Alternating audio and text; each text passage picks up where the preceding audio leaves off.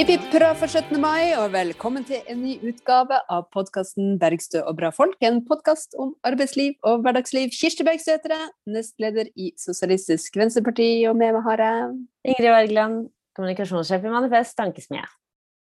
Og hva er vel bedre eh, å feire nasjonaldagen med eh, enn noen som står helt i front for noe av det vi er aller mest stolt av her i landet, nemlig grunnlaget for den norske modellen. Trygge, tydelige, tillitsvalgte. Sist uke hadde vi en eh, prat med Ståle Knoff eh, Johansen, eh, som er tillitsvalgt ved Aker Hverdag. Det var en veldig god prat.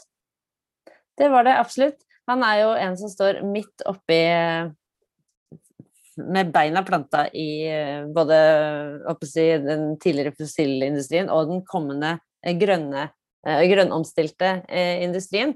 Eh, han jobber på et verft og, som ble startet da, da, Norge fant olja, for å si det sånn. Men nå står de klare til å ta imot framtidas utfordringer.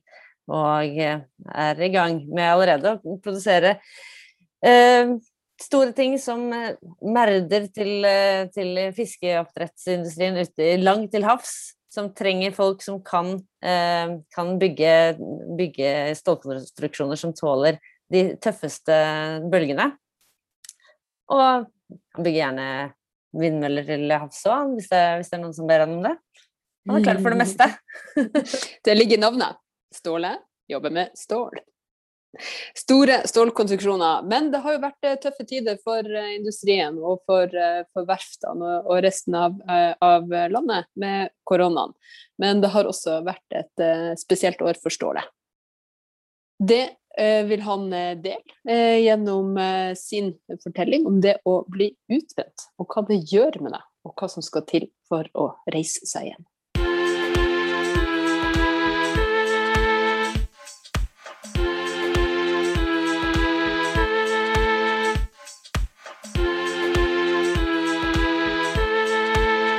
Og det er en stor glede å kunne ønske velkommen til eh, dagens gjest, Ståle Knaff eh, Johansen, som er leder, klubbleder eh, for Aker Verdal. Hjertelig velkommen til oss, Ståle. Takk for det. Det er hyggelig å være her òg. Setter pris på å bli invitert inn til deres podkast. Absolutt. Ståle, du har jo vært klubbleder siden 2010. Det begynner å bli noen år? Ja da, det, det har jo det. Jeg har jo ei eh, historie nede på, ned på uh, industrianlegget her nå siden to, uh, 1986. Og da som starta som lærling som sveiselærling, og jeg er veldig stolt egentlig av å ha et fagbrev innen, innen et praktisk yrke. Og jeg behersker også platefaget, da, så, så er jo det som er flerfaglig, altså noe som er viktig for oss som bedrift. altså Den fleksibiliteten i forhold til å kunne bruke folk i flere områder. Så, så klart medlem i verkstedklubben helt siden 1986, og første gangen som tillitsvalgt, og siden da vært en del av klubbsystemet, eller tillitsvalgtsystemet, i rundt 94 da, ble jeg i klubbstyret. For det begynner å bli noen, noen, år. Men bare eh, Vi må nesten snakke litt om hva dere gjør. fordi det er jo et verft vi snakker om her, som lager eh, stålkonstruksjoner og, og understell for kanskje særlig eh, oljevirksomhet, stemmer ikke det? Ja. ja. Kan ikke du fortelle oss litt om, om, om, hva det er dere produserer? Så for en tid tilbake at dere fikk et oppdrag på noe mer også? Ja, vi, det er jo eh, sånn tradisjonelt og historisk så har jo vært markedet vært eh, olje og gass. Eh, og noe av det er jo det at det, det er jo på en måte etablert helt siden eh, lille julaften i 69, når vi eh, Norge fant olje og, eh, på norsk sokkel. Og eh, det har jo vært, vært en del av det produktene vi holder på med. Men så er jo det at det er. Altså det er en uh, utvikling på norsk sokkel som gjør det at uh, det er mindre av de store utbyggingene. Og, så da må vi over på noe annet. Så nå holder vi på med to prosjekt som går innenfor fornybar, og det er jo interessant. og det Hywind Tampen, som er et offshore vindprosjekt, og fiskemerder til, til SalMar, da. Havmerder. Ja, hvordan ser de ut, helt konkret? Hva er det dere bygger til dem? Det er en liten kontrakt egentlig i forhold til det med havmerder. Så er det, eh, en, det er en rund konstruksjon hvor du egentlig eh, har eh, det som er stor fiskemerd, men det er jo så klart bygd for å tørre mye mer ekstreme forhold og er mye større i volum enn hva, enn hva det ordinære fiskemerdene som ligger i, i, ja, i tilknytning til fjord og kyst. da. For det blir mye mer ekstreme forhold når du kommer ut i, ut i havet. Men disse merdene, da, som det heter, eh, som, som man bruker til, til lakseoppdrett, når de, de, skal langt til havs, så er det jo bra å ha et verft i arbeid som, som er vant til å konstruere eh, ja, installasjoner da, som tåler, tåler, litt av hvert? Ja, det er klart at uh, Norsk leverandørindustri har jo en veldig god kompetanse på, på konstruksjoner som skal ut i ekstremt tøffe maritime forhold. Så eh, vi ser jo de første fiskemerdene som ble av sånne dimensjoner som ble bygd, ble bygd i Kina. Men vi ser jo allerede der at eh, designet er noe helt annet enn hva vi ville ha vært. Og de har jo hatt litt, litt problemer i forhold til ja, hvordan det ligger i sjøen og ja, hvordan den håndteres i, i dårlig vær. Så så vi mener jo det at vi har noe å tilby til, til oppdrettsnæringa òg, i forhold til at vi kjenner egentlig den type konstruksjoner veldig godt. Ja, for det der er vel gjennomgående, eh, Ståle. Eller i hvert fall er det mitt inntrykk av at eh, når man sender oppdragene ut, så får man litt av hvert tilbake til litt uviss tid.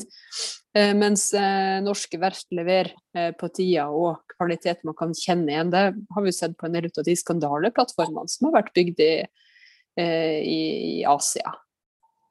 Ja, absolutt. Det, det, er jo på en måte det som eh, vi er garantisten for. Det er jo leveringsdyktighet og kvalitet. Og at det er på en uh, avtalt pris. Så klart, noen ganger så blir det, blir det litt dyrere, men uh, gjennomgående så er det jo hele tida veldig mye dyrere å få det fra Asia. Så det, det er jo sånn at de er jo, de er jo billigere enn oss på på anbudsprisen, men på ferdigstillingsprisen, altså når den skal gjøres opp, så er de jo bestandig dyrere. Så,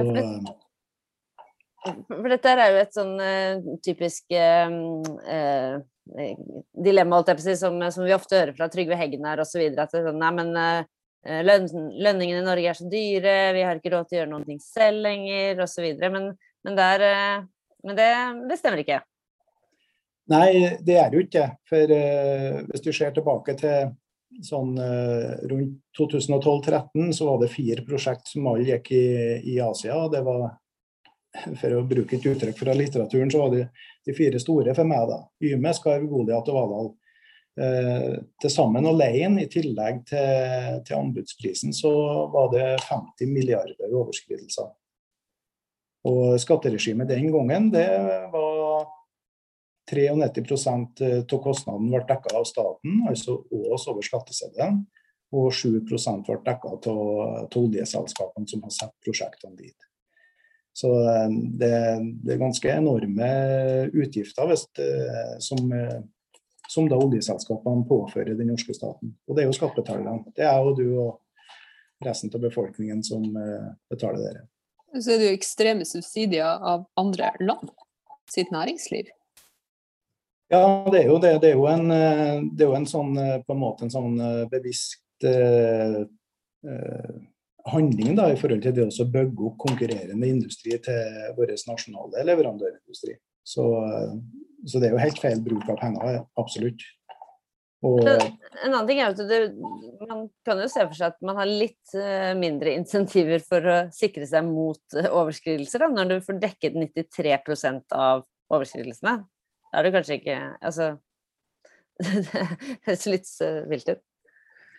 Ja, det, det, er jo sånn, uh, sånn uh, systemet er lagt opp. Og det er jo at det skal være interessant å investere for, for petroleumsindustrien på norsk sokkel. Og, og, den må nok være det. fordi at vi tar jo, Når de begynner å produsere, så tar jo den norske staten veldig mye tilbake igjen i forhold til, til skatte, uh, skatteinngang på, på, det produktet de har. Så, så, det er nok en lønnsomhet i det, og spesielt hadde det vært lønnsomhet i det hvis den har vært i hvert fall en større andel har vært bygd og utvikla i Norge med norsk arbeidskraft. Så jeg mener jo det at Så lenge vi skal holde på innen eh, offshore petroleumsindustri, så er det viktig for oss som nasjon altså som, eh, å ha kontroll på både kompetanseutviklinga og teknologiutviklinga innen, eh, innen, det segmentet. Så, så det jo, så De bygger opp konkurrenter. Det er jo dem som eh, da får trene, det er jo dem som får utvikle teknologien, det er dem som får utvikle kompetansen. Men her er du jo inne på et, et stikkord, eh, Ståle, i forhold til norsk eh, arbeidskraft. Fordi dere er jo ganske mange ansatte på verftet. Ikke, kan ikke du fortelle oss litt hvor, hvor, mange, hvor mange, dere er? Sånn cirka? Sånn, ja. På verftet så er vi fast ansatte rundt 750. Av det så er det 430 som er operatører, og den andre delen er jo da så klart funksjonærer. Eh, så vi er jo den største klubben, eh, fagforeninga på, på verftet, og har en god del innflytelse i forhold til det.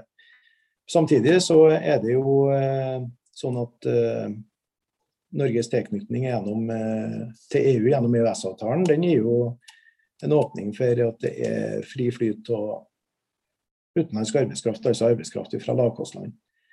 Eh, vi har jo hatt eh, I perioder så har vi faktisk hatt i det, det faget som jeg er utdanna i, så vi har hatt 500% innleie. Og det sier seg sjøl, da mister du kontroll. Da har du eh, en situasjon hvor du egentlig driver hele tida med brannslukking. Uansett hvor mye folk du legger på, så vil du heller ikke få noe økonomi i prosjektene. i forhold til det. Kvaliteten på produktet går ned.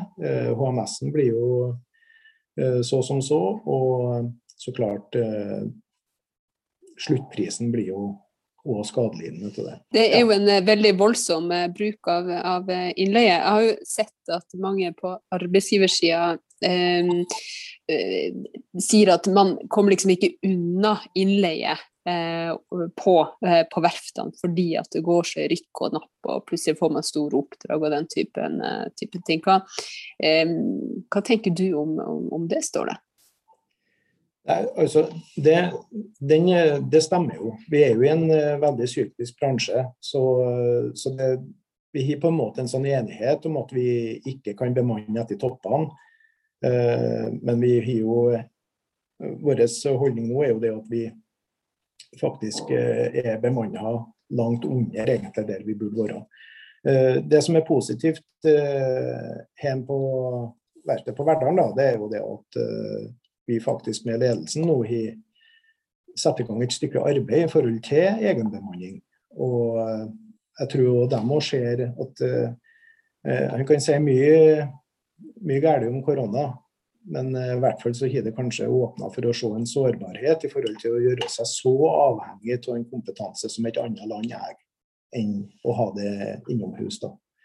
Så eh, vi håper jo det, at det arbeidet som vi holder på med nå i forhold til egenbemanning, at vi skal kunne uh, ha noe annet tall å se på fremover. da. Altså en større verkstedklubb og flere funksjonærer og så klart ansatt.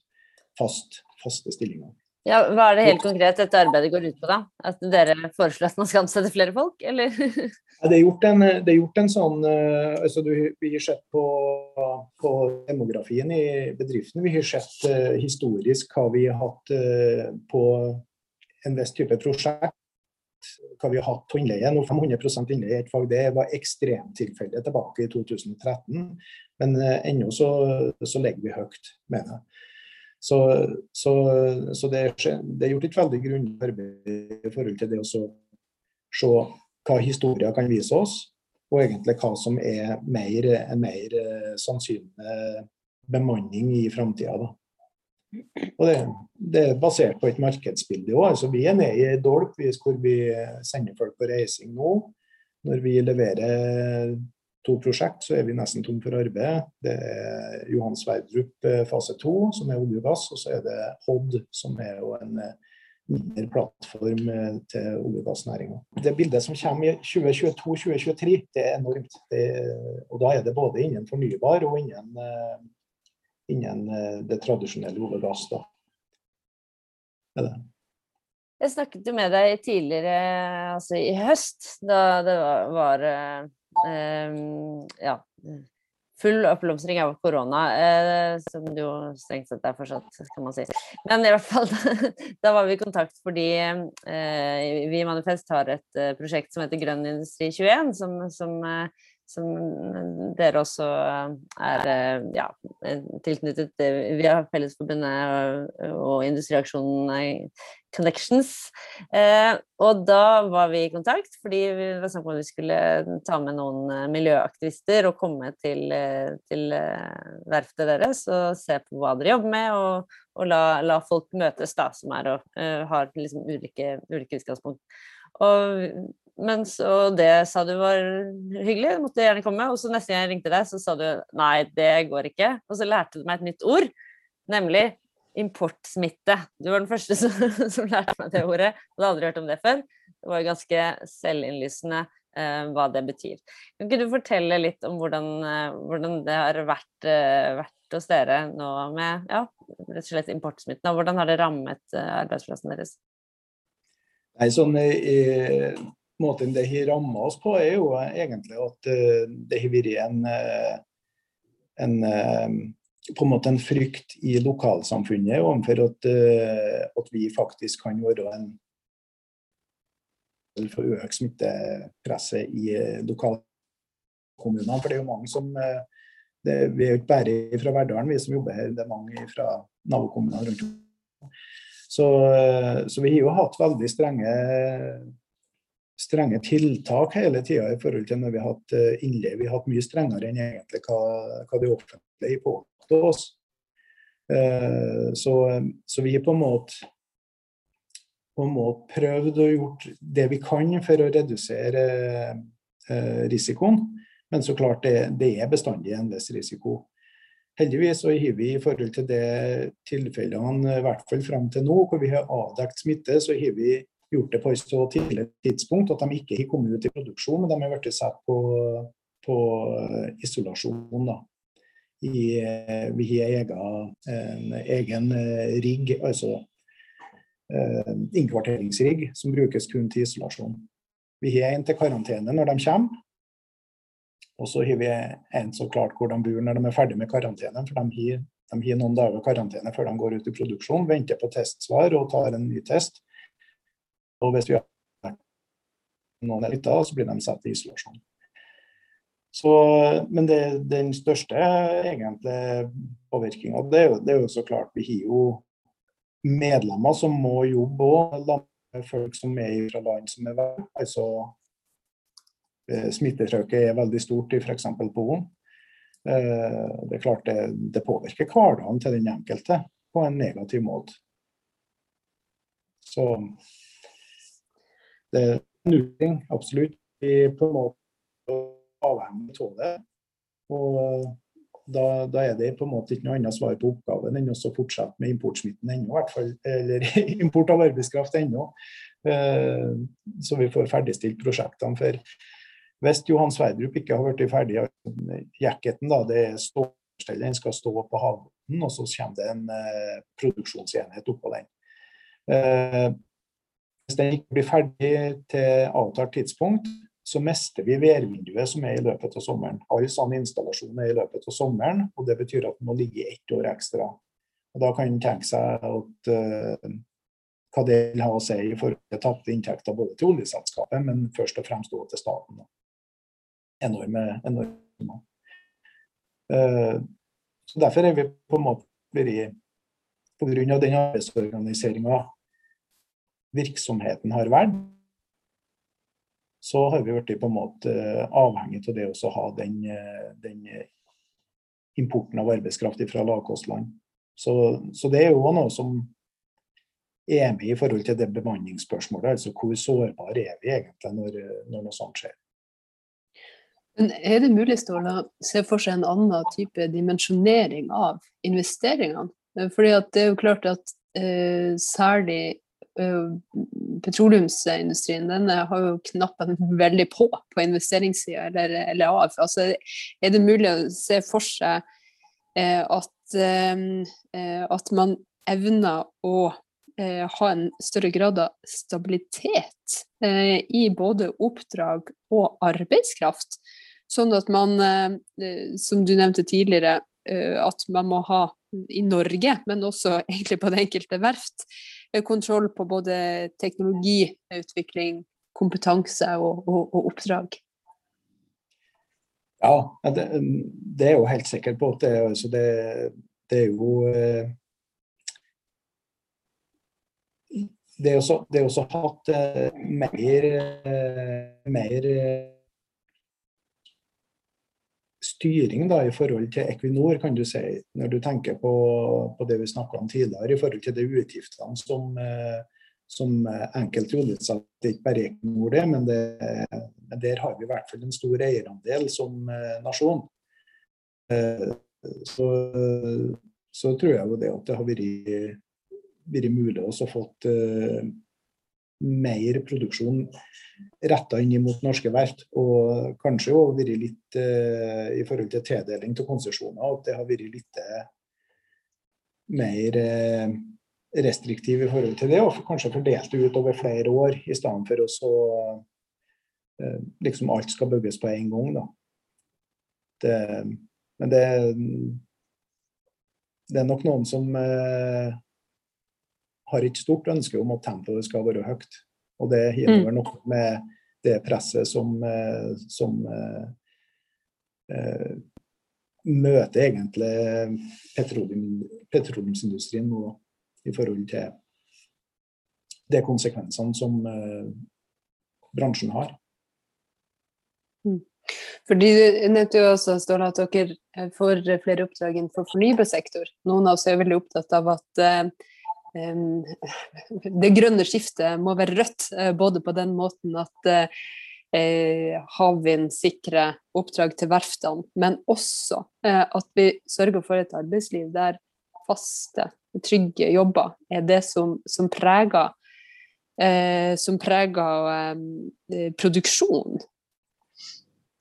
Det, hvordan tanker gjør du deg om det? Altså, grønt skifte er jo noe som mange prater om. Eh, hvordan kan vi jobbe i lag, eh, venstresida av fagbevegelsen, for at eh, det skal, at det, at det skal være rødt?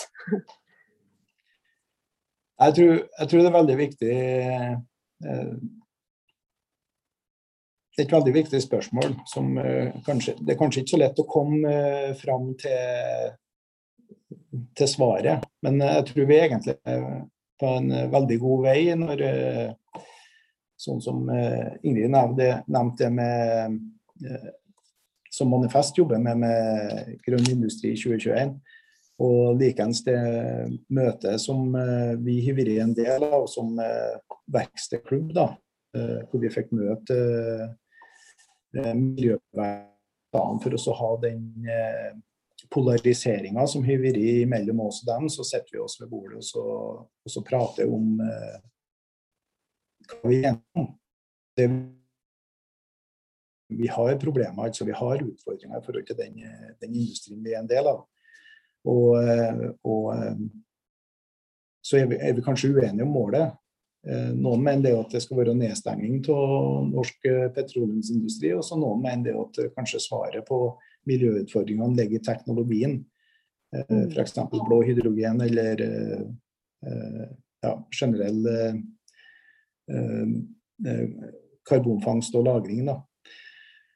Så, så, tror jeg i hvert fall det, den oppfatninga jeg har til det møtet, det var, det var helt fantastisk egentlig å få sitte sammen med miljøbevegelsen og så få diskutere problemene på en ordentlig og og anstendig måte, i stedet for at vi sitter på hver vår haug og har synspunkter om hverandre som kanskje ikke stemmer helt. Det det. Eh, nei, jeg tror det er en sånn eh, Det, det er mye å gå. Og så eh, er det jo det der at eh, for å få arbeidsplasser til, til, Norge, så må det være på en måte I forhold til grønn industri, så må det være en det må være en nasjonal strategi i forhold til miljøteknologi, all type teknologi. Og, og den syns jeg mangler. Jeg syns det er veldig sånn eh, Noe av problemet tror jeg faktisk det, det, er jo det at vi er hardt inn som nasjon er vi hardt inn i petroleum. Eh, en annen del av problemet er at uh, vi liksom kan klappe oss selv på brystet og si at vi har vannkrafta. Så Derfor så er det egentlig ikke så interessant å utvikle det. Den er billig og vil bestandig konkurrere med, med vindkraft, f.eks. I hvert fall uh, per dags så, så, så, jeg savner det der at uh, uansett egentlig hvilken regjering som vi sitter i fram til nå, så er det ingen som har hatt en, en, skikkelig strategi, en nasjonal strategi i forhold til miljøteknologi. Og det jeg legger, er jo det at, at miljøteknologi det er, ikke, det er ikke noe som, som dukker opp av at en forbruker har et behov, altså i forhold til det at han har et behov for at han må ha mat på bordet, han må ha klær i, i i klesskapet for å, både vinter og sommer. Sant? det, det, er et forbrukerbehov som, som, skaper mye av markedene. Men miljøteknologi det er et marked som skapes av politiske beslutninger. Og det innebærer, Da innebærer det at det òg er en god del, en god del eh, risiko forbundet med Og Det er jo det som, det var det som var så fint, egentlig. I 2008 så var det et EU-direktiv som vi kaller miljødirektivet. Det muligens det heter noe annet. Det skulle fungere fram til 2013. Og det, det var et, miljø, et, direktiv hvor du faktisk har mulighet til å investere, altså staten har mulighet til å investere og gi subsidier til dem som ønsker å satse på en eller annen type miljøteknologi. Så det var et farlig direktiv. Altså, må misforstå meg. Jeg er absolutt eh, nei til EU og er sterk motstander til EØS-avtalen. Men eh, det er noen direktiv som ikke er farlige, men konsekvensen med det andre er så stor at det, det finnes ingen det finnes ingen forsvar det at de ønsker å være en del av det europeiske fellesskapet, uansett hvordan måte. Det er kun gjennom en frihandelsavtale. Så, så, men uansett, det direktivet var jo ufarlig da, og kunne egentlig hjulpet oss eh, til å etablere eh, en, eh, en eh, type industri som har vært mye mer frampå i forhold til f.eks. For havvind. Eh, hvis du ser til Tyskland, så har de brukt direktivet veldig smart og har utvikla områder i Cuxhaven og, og lignende til, til, en stor industriell satsing. Og da, da, er det litt sånn synd at vi ikke grep den muligheten som lå der. For uh, de er allerede etablert, og vi må nå begynne å prøve å ta igjen det forspranget som de allerede har. Du må på en måte uh, være med fra starten og ikke sitte på, på gjerdet og vente på mulighetene, for de kommer ikke. Du må ta dem. Mm. Det må man. Eh, det er kloke ord, står det. Altså, jeg tenker at for å for å gripe mulighetene, så må vi jo klare å investere for fremtida, men også på en måte som kan eh, forene behovet for nye investeringer med eh, og som, som, er helt avhengig av en aktiv næringspolitikk og en industriplan eh, og, og, strategiske investeringer, men også med Fellesforbundet sitt mål om å avvikle bemanningsbransjen. Sånn at vi mm. kan få, få arbeid eh, for, eh, for eh, ja, for framtida også for fagene. Ja. Men akkurat det siste året det har vært tøft på mange måter. Vi har hatt koronaen, vi har hatt nedgang for, for, for arbeidsplasser og, og, og, næringsliv. Men du har sannelig hatt en tøff runde sjøl siste, siste, året, står det. Ja, eh, absolutt. Det er jo eh, det er jo noen erfaringer han gjerne har skulle vært foruten, men jeg må jo prøve å bruke dem fornuftig nå når det går bedre. da. Det har vært en mye bedre eh, etterjordsvinter og vår i år enn hva det var i 2020. Og Det gir jo med at jeg gikk på en eh, skikkelig, skikkelig smell i forhold til utbrenthet. Og, eh, Jeg var sy- sykmeldt 100% Min eh, erfaring med det er at ting som jeg sjøl syntes Som jeg har en oppfatning til at jeg var god på, da. På et tidligere tidspunkt jeg begynte jeg å tvile på min evne til å gjennomføre. Så det var en helt sånn Egentlig fikk til det helt, eh, helt vanlige oppgavene som du har hatt en oppfatning på at du i hvert fall mestra godt før. Så det har vært et, det har et tøft år, både i forhold til det at kanskje kom i forhold til det at han måtte gjøre en del isolering av seg sjøl i forhold til korona, og så likeens at han begynte å øh, plages. Men det at du har klart å, å, reise deg igjen og komme deg tilbake, nå er du jo i full jobb igjen etter å ha vært helt eh, nede, utbrent. eh, Hva, hva, hva gjorde du? Hvordan, hvordan, kom du deg ut av det? Nei, da, Det var jo sånn at jeg, at jeg innså jo at jeg trengte hjelp til det her, altså profesjonell hjelp. Så jeg har jo vært til psykolog i, i, i, forhold til det. Og Der ble jeg anbefalt å ta det de kaller for mestringskurs. da, eh, hvor du ja, Vi var seks eh, personer med forskjellige eh, psykiske lidelser. Det kan være eh, jeg så klart som eh, var utbrent, og så har vi noen som eh, hadde det de kalte for helseskrekk. Det var to som satt der som hadde de kalte for helseskrekk. Og det, det er altså en frykt for oss å dø, en frykt for uh, å få forskjellige sykdommer. Kreft, uh, hjerte-karsykdommer, aids. Så uh, det, Men det jeg oppdaga, min oppfatning av det, var det at at, at jeg sitter faktisk i et rom da, med fem andre personer. Altså der er vi, vi er seks deltakere pluss psykologer, men så sitter fem andre pasienter der som er de er jo helt friske. De ser jo helt normale ut. En god følelse egentlig å oppdage det at det her er jo noe mange flere med enn bare jeg sjøl. For det på en måte ble jeg litt, ble i hvert fall jeg litt sånn isolert at det her, her var et problem som jeg hadde. Det var ingen andre som hadde. Og det, men det er en helt utrolig ekkel følelse å begynne å miste trua på, på, hvem du egentlig er sjøl. Altså ikke i forhold til holdninga, hva du står for, og om du er eh, for, fellesskap og solidaritet og sånn, men liksom din egen evne til å greie å gjennomføre dine faste oppgaver.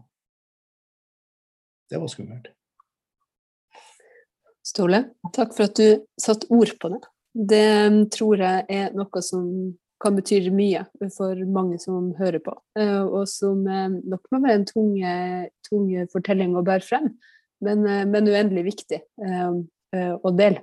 Og så er vi jo mange som er glad for at du er tilbake i ditt faste virke, der du virkelig, virkelig um, trengs å, å gjøre en forskjell. Men vi vet jo alle at man må begynne en start. Og du har vært lenge på verftet, men vi har et fast spørsmål i vår podkast, og det var hva var din aller første jobb? Ja, min aller første jobb, ja, det er jo tilbake til Det er jo tilbake til ja, barndommen, må vi nesten si. Barnehage. Nei da, det var jo ikke det. var jo sommerjobb, det var det. Og for å tjene noen kroner da, til å ha til is og brus og den type ting. Så det var faktisk steinplukking på gårder på Inderøya. På jorda? Ja. ja. Så uh, jeg bærplukker, for jordbær er jo veldig stort på Inderøya. Men uh, steinplukking, det mestrer jeg godt, altså. Jeg den litt for å ha litt ekstra om sommeren. Ja, fordi at stein er jo utrolig irriterende. Det kommer jo opp med telen i, på jordene. Jeg skjønner ikke at det ikke tar slutt. Kommer opp, kommer opp hver vinter, hver ja. Vår. en utømmelig ressurs som i hvert fall i den tida ga liksom en håpefull vet eller gutt en mulighet til å tjene noen kroner. Det er det. Takk for at du var med oss, Ståle.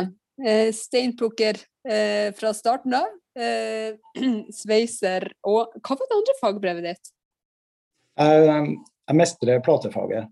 platefaget? Platearbeider, sveiser, tillitsvalgt. Vi er utrolig glad for at du tok følge med oss denne, eh, denne podkastepisoden. Og kan vi egentlig ha en hel episode med deg, Ståle, uten å snakke om at du heter Ståle og jobber med stål? Det er jo for Det er jo, det, det er jo ikke mulig. det, er ikke, det er helt umulig. Eh, absolutt. Jeg setter veldig pris på å få muligheten til å være med dere, og det har vært veldig hyggelig. Og jeg setter utrolig pris på, på det at, at det er påpekt at, at det er godt å ha meg tilbake òg, da.